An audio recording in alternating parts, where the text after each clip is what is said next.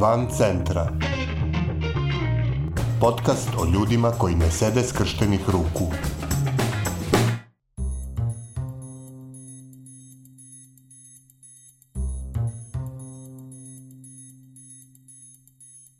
Ovo je 105. epizoda podcasta Van centra, koji prati napore ljudi iz cele Srbije da poboljšaju kvalitet života u svojim sredinama.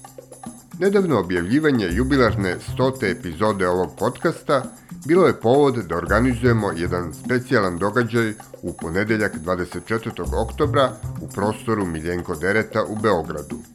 U pitanju je bio razgovor s aktivistima i predstavnicima lokalnih medija na temu građanski aktivizam u realnom prostoru i vremenu. Svoje iskustva prisutnima su preneli Miroslav Tamburić iz Foruma civilne akcije Forca iz Požege, Kaća Dimitrijević iz Alternativnog kulturnog centra Gnezdo iz Kruševca i Aida Ćorović iz Društva za održivu budućnost Koraci iz Beograda. U ovoj epizodi Van centra prenosimo vam najzanimljivije delove iz razgovora koji se dogodio u prostoru Miljenko Dereta. Problem je veliki što negdje i mi imamo možda neka pogrešna očekivanja i od samih sebe, ali i od društva. Merimo svoje, odnosno merimo istorijske procese i društvene procese godinama svog trajanja, to uopšte nije isto. Znači, jedno društvo propada godinama, a za, za nekakvu reparaciju, restauraciju društva treba mnogo, mnogo više i duže vremena da prođe nego što je trebalo da, da to se to društvo uništi. A, A problem je što mi želimo da sada i odma sve bude završeno, da mi vidimo odma posledice tog našeg rada. Nažalost, ne biva. I sama sam, dakle, prolazila kroz tu vrstu razočarenja i htela sam da bude sad i odma sve i bila sam jako ljuta što to nije uh, to tako kako ja želim. I veoma spasonosno, opet se vraćam na te tehnike ovaj, uh, na kojima sam radila, je da sam pustila na neki način. Ja sam rekla, ok, de, neke stvari definitivno neću ja doživeti da ih vidim kao puno bolje, ali to ne znači da ja treba da budem razočarana, da treba da izgorevam sebe, to je negde jedna od stvari koje smo viđali i viđamo skoro svakodnevno u sektoru. Nažalost, u ovom trenutku mnogo ljudi s kojima sam ja počela da, da, da drugujem, više nisu živi, jer mislim da su pre svega pregoreli, upravo zbog, zbog tog nagomilanog nezadovoljstva. Pa to je kao neka vrsta klackalice na kojoj se eto klackamo, pa se jedan dan osjećamo jako dobro, a drugi dan jako loše. I Um, naravno i mi smo imali razne krizne momente i sa pokretanjem ovog prostora i sa uzaludnim pokušajima da se ljudi uključe, da se aktiviraju sa tim stalnim pokušajima da se nekako animiraju, gde tebi odlazi jako puno energije samo da bi dobio neku iskru ovaj, ne, nekog života, ovaj, neke energije nazad i to je zaista jako, jako naporno, naravno. Kada, mislim, ja kada sam ta, to pogledala s te strane i shvatila da, eto, ovaj, mene prosto to zanima, mene to interesuje, mene to, da kažem, loži na neki način, ja osjećam da je kroz te, taj aktivizam nekakav i e, moj život bogatiji i to je to ja prosto ne bih ne mogu da zamislim tu neku situaciju da sve to i sve te ljude s kojima se, ja sarađujem, mi sarađujemo i uopšte ukrštamo putevi, radimo neke zajedničke stvari, da sve to da se svega toga odreknem radi nekog eto komfora, meni to nekako nije nije uopšte opcija. Uh, I eto, onda no, nosim to svoje breme koji svi drugi, kako mogu, kako kad, nekad teže, nekad brže i lakše, ali eto, ovaj, moramo se zadovoljiti nekim malim uspesima, E, to je ono što mene leči. Mm. Leči me tako kad eto, jednu osobu vidim da je na nju uticalo nešto, da menja neke svoje stavove, da se počinje na neki način angažovati, interesovati, ima svoje ideje činjenica da smo mi neku, recimo, devojčicu poslali na razmenu ovde u Beograd da je bila dve nedelje i da je njoj to bilo iskustvo vrlo dragoceno. Eto, to su stvari kojima se mi zadovoljavamo, nemamo mno, mnogo bolje nego jednog po, čoveka po jednog da, eto, nekako uh, uvučemo, dotaknemo ili šta god. Da bi došli u situaciju da se bavimo tim stvarima u budućem periodu, svi smo negde zaključili da je vreme da malo, sad ću malo ove termine moderne da koristim, da se malo bavimo i self-care-om. Dakle, da malo razmislimo o tome gde smo mi i sad. Ja sam protekle dve godine, dva, tri puta bio na ivici potpunog burnouta i onda sam ukapirao kad dođem kući da zaista moja deca i moja žena ne treba da trpe moje frustracije s posla, pa smo onda rekli, e čekaj, aj šta ćemo sad? I sad ja imam neke dnevne rutine u Požegi zbog koju Požegu i volim najviše na svetu. Ja sam tamo napravio balone i koliko god da to nije dobro, tvrdim da u jednoj ovoj fazi života to je tekako nije loše. Sedim sa ljudima za koje znam da mi neće dizati inače visok pritisak, sedim sa ljudima koji mi neće svaki dan pričati o tome kako treba da promenim hranu, kako bi trebalo da pijem manje piva nego što ga pijem inače. Kažem, ok, ljudi, pustite to, ajde malo da se osjećamo konforno i da pričamo o neki. Tako da su ta neki self-care o kom smo počeli ovaj, svi da primenjujemo, počeo malo da daje rezultate. Dakle, mi se vraćamo, vraćamo se. Ja ponovo osjećam neki gas. Ja Ja i dan danas sedem na biciklu, ja odvrnem Rage Against the Machine ko pre 20 godina na, na, onu, na onu slušalice i osjećam se kao da sam 25 godina mlađi. Zato sam malo prije rekao da, da negde mislim da ova naša generacija nije rekla poslednju reč i to je ono nešto što me negde, što me negde vozi. Ja se bre ljudi ložim i dalje na ono što radim.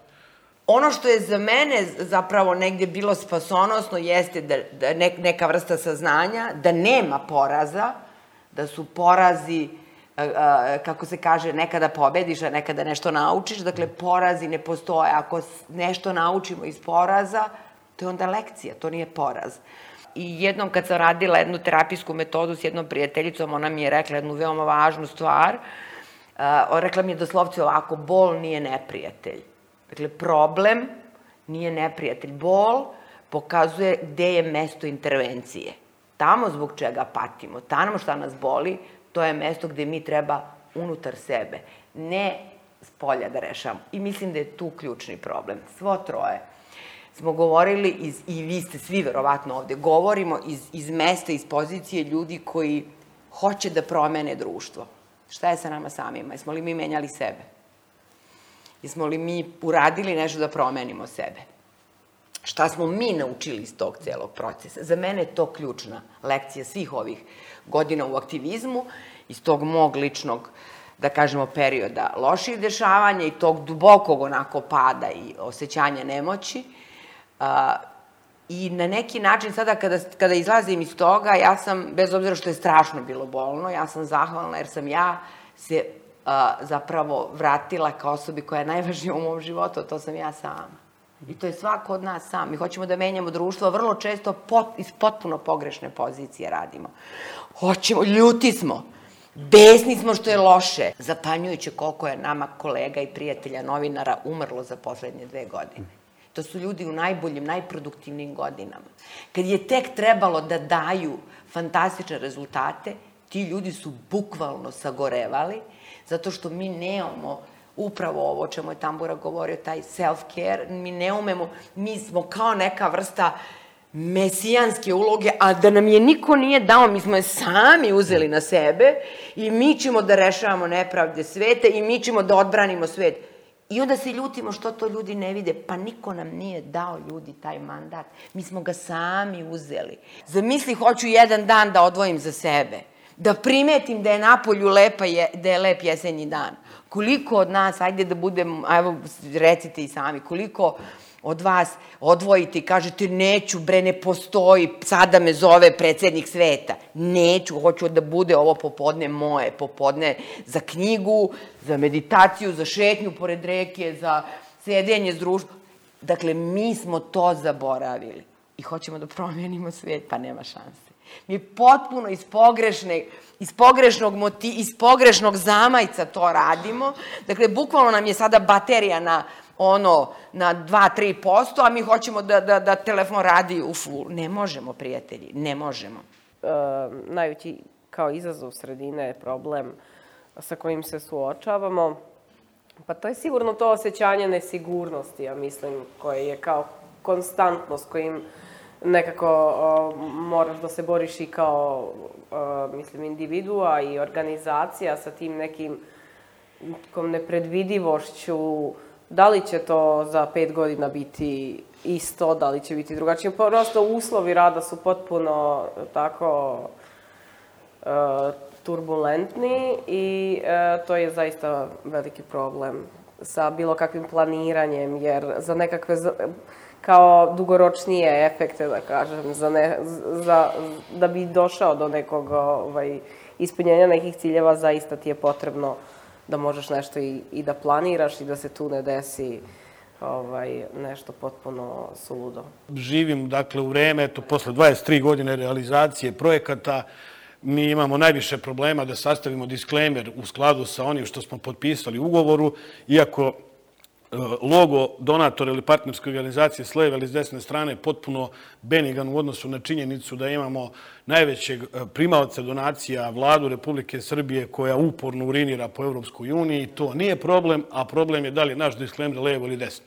Što sam to pomenuo, to ubija neki aktivizam i volio bih malo o tome da pričam. I inače će to biti agenda organizacije s koje ja dolazim u narednih nekoliko godina, jer aktivizam onaj kog se ja sećam iz analognog perioda, su sad postale neke druge usluge, neki drugi načini rada, pa bih volio da malo o tome nekad i diskutujem. I pored svega, i pored svih frustracija, pored svih sati i sati, neprospavanih nerviranja i tako dalje, da smo iz statusa last minute NGO-a postali after minute NGO, sad svima već kasnimo i izvešta i sve, ali šta je sad poenta, sad me baš briga.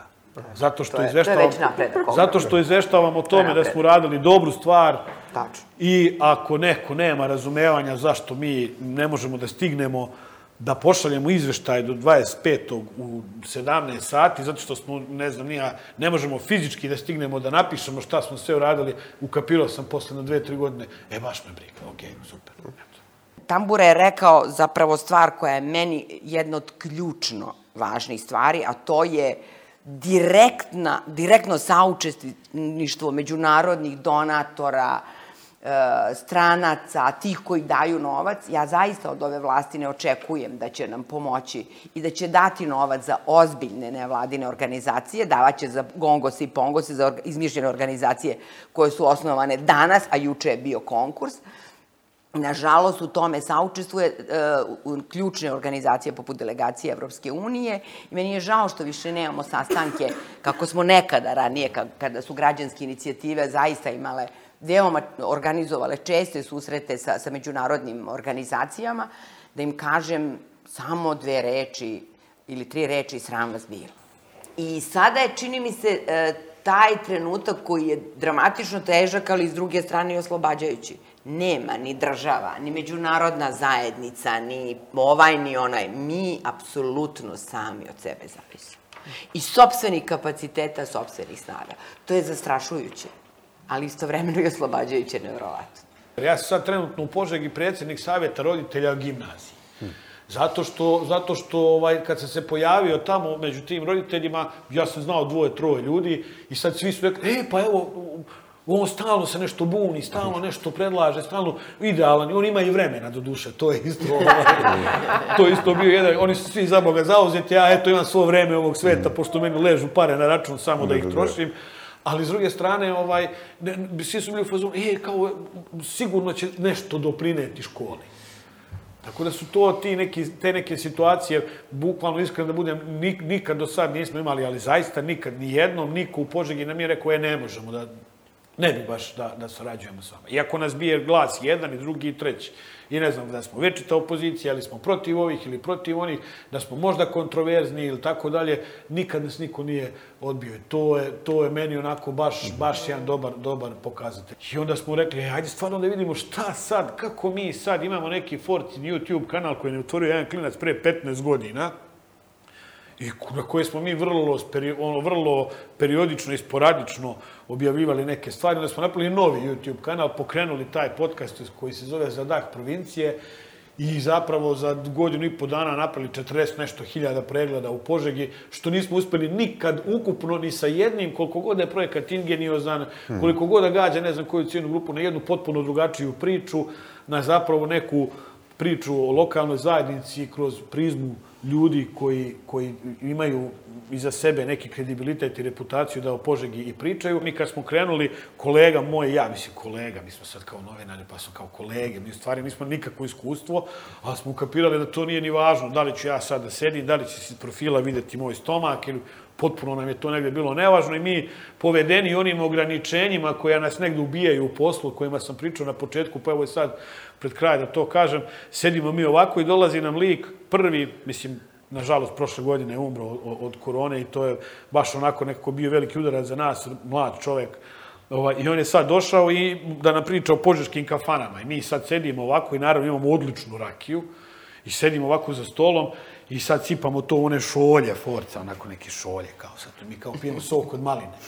I ja posle kažem, čekaj bre, se dozvali smo čoveka da pričamo ovde o kafani, o Požegi, o tom nekom duhu i sad ja imam one stege zato što ono kao donator, znate, kad nam svima zabrani da kupimo alkohol, pa mi odemo i kupimo karton Coca-Cola. I kaže, daj bre da popijemo ovo pivo čoveče ovde, mislim to. Kad, od, od tog momenta kad smo mi u podcastu koji, dakle, niko ne finansira, nikome ne, ne podnosimo nikakve račune za to. Ja jedino žena me psuje kad ostane tri i po sata, pa to je jedini račun koji mora. Znači, i onda smo prevazišli taj neki lokalni, pa smo počeli da sipamo pivo i to valjesko koje volimo svi, a onda mi kaže, čoče, sam valjesko pivo na dan neku, neku kintu za to. To smo se kasnije setili. Tako da su to načini komunikacije gde smo mi potpuno sišli na taj neki lokalni nivo, ajde, ljudi živeli, znaš, jer smo sve vreme pričali kao, je, ovde je sok od maline, znate, ovo je mal, malinski kraj, ovo, ono da popijete sok od maline, pa kao ovaj... Ne, dobro. E. Kada smo mi naišli na tu zgradu i dobili taj ugovor, nekim prosto ono sticajem okolnosti, da kažem, nije ni bitno sad da ulazim, dugo je ona stajala napuštena i tako bilo je kao u interesu, taj futbalski klub je bio raspoložen da, da se to nekako zaštiti. E, mi smo sami sređivali taj prostor i ljudi iz Bivolja kojima smo mi bili i čudni i onako nisu mhm. znali i ko smo i šta smo i sad zbog frizura, pa razne su tu priče bile, pa sekta, pa klasično ono što, što prati tako. Um, kada su oni nas videli na tim skelama kako mi radimo te u fasadu i, i to je mesecima trajalo, E, to se jednostavno, kod njih smo mi dobili neku vrstu poštovanja. Bez obzira što su, ima tu ljudi iz komšiluka, potpuno su, znači sa druge neke sfere, ovaj, da kažem, razmišljanja u odnosu na nas, opet smo našli neku zajedničku tačku. Prosto se tako desilo, jer su oni videli da mi nismo neko koje, deca nekih sad e, nekih posebnih roditelja, pa da nismo došli sa nekim novcem i zakupili lokal i tako. I kada smo onda imali tu neprijatnu situaciju da su hteli da nas izbaci iz prostora, zajednica je bila na našoj strani. Prosto, čak e, nisu svi smeli da budu javno, naravno. Nisu svi ni govorili to javno. Ali čak ni ne mora uvek ni da se kaže javno da bi se nešto kao, ovaj, naravno da je to mnogo, mnogo više znači, mnogo više smisla ima, ali ali se osjećalo i oni su, prosto je bila ta priča, sad je neko sredio, a vi hoćete da ih i, i tako izbacite i ovaj, mislim da je velika šansa u tom nekom vremenu koje prolazi i tom nekom, eto, um, istinitosti da, da živiš to što tvrdiš, e, kako da kažem. To ljudi vrlo dobro prepoznaju i ne moraju uvek ni da vole, ali mogu to da poštuju. Mm i prosto to može da se poštovanje manifestuje na različite načine kasnije i e, zato je jako važno prosto ne folirati. Ja sam nekada bila od onih osoba koje su vrlo isključive. Ne može, to je moj vrednostni sistem, ne može... Međutim, sa, u druženju sa ekolozima, to nije primarno moja tema, učim da, na, da nađem najmanji zajednički interes, i to je za mene veoma važna lekcija, uh, da, da nalazim zajednički interes sa ljudima koji su vrednostno na drugoj strani, s kojima ne delim ama baš ništa od ideologija. Desničari, ono, tri prsta, ve, ono, Srbija, odavde do Tokija i tako dalje, ja sam iz potpuno druge priče. Ali je vredno da imamo, imamo taj, taj, kad preklopimo, te, imamo to parče e, zajedničke priče, a to je da sačuvamo neku reku, da sačuvamo šodroš, da sačuvamo...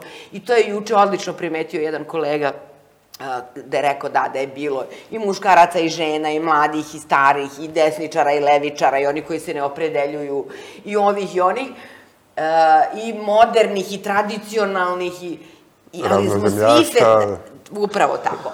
Ali smo ali nam je juče bilo svima važno da da da ovaj branimo taj šodroš i tako dalje tu oazu zelenu. Civilni sektor mora malo da se prilagodi onom momentumu u kome se nalazi što reče mala pride cela planeta a ne samo neko naše društvo tako da mi možda možemo da prenesemo neka znanja iz iskustva, ali moramo da crpemo energiju iz onih ljudi u čije ja, kako da kažem, mogu da verujem samo, ajde, da ne zvučim zaista brutalno neku sirovu snagu i u njihovu želju da oni drugačije percipiraju i promene i svet u, u, u, u kome živimo. To je potpuno legitimno. Dakle, oni vide malo drugačiji način ka menjanju, ali treba da ih ubacimo možda malo, malo ovaj, u metodološku matricu koja nije loša. Hmm. Ja imam nekog poverenja, zaista. Hmm Ja verujem da će se tu nešto desiti, ali ovaj, da li će to naravno biti ovaj, sada ili za 20 godina, pre će biti za 20 godina, ali tako, ali tad će biti neki novi mladi i mm. tako naše je sad samo da, čini mi se, držimo tu baklju da se ne ugasi, prosto da ima gde da se ovaj, zapali ta vatra, da kažem. Znači, to je važno. Važno je da se prenosi neko znanje i neko iskustvo. To je mnogo bitno da postoji negde ta neka, da kažem, ovaj... Transfer. Transfer neki, neka baza, taj neki resurs uh, za koji se oni mogu uhvatiti u trenutku koji će možda biti pogodniji za to nego evo ovaj. A, za mene je primer kako se planira i, i, i bez da očekuješ da vidiš rezultat jeste kad, e, kad, kad sam videla prvi put Delta Verken, ne znam da li vam je poznato šta je Delta Verken. Delta Verken je sistem ustava koji u Holandiji postoji, koji brane Holandiju od, od mora.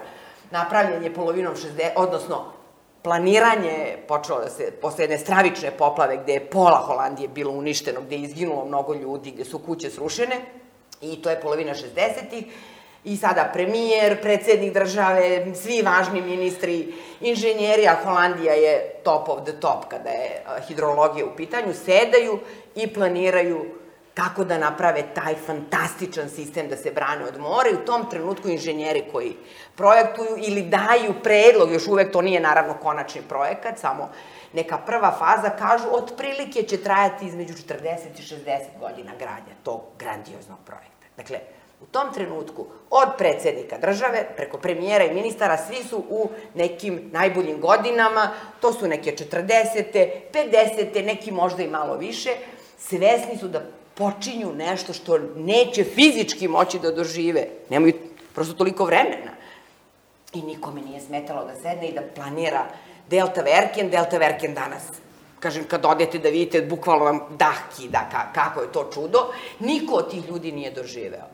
Ali to je ona čuvena priča, posadi orah i ako imaš 80 godina, ako ti nećeš da uživaš u njegovom hladu, hoće neko. Dakle, ta svest o tome da, da nije to sve samo sada odmah i za mene i za moje dobro i ja da vidim, nego da je da prosto raz društva će nas mnogo nadživeti, a da svaka naša mala ciglica, naš mali kamičak jeste jedan, da kažemo, eto, lep deo u tom, tom mozaiku. I to prosto treba da nam negde bude zvezda vodilja.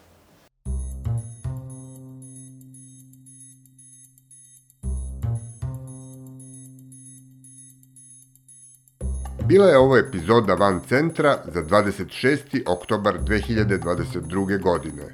Nove priče o ljudima koji ne sede skrštenih ruku moći ćete da čujete u sredu 2. novembra.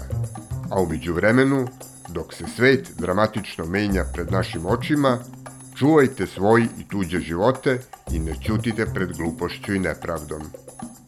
Van centra je autorski podcast koji se realizuje uz podršku građanskih inicijativa.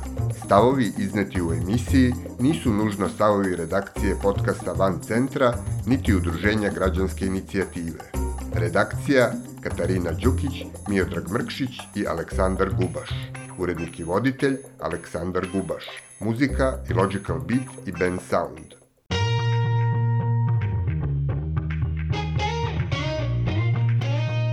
Van centra. Podcast o ljudima koji ne sede skrštenih ruku.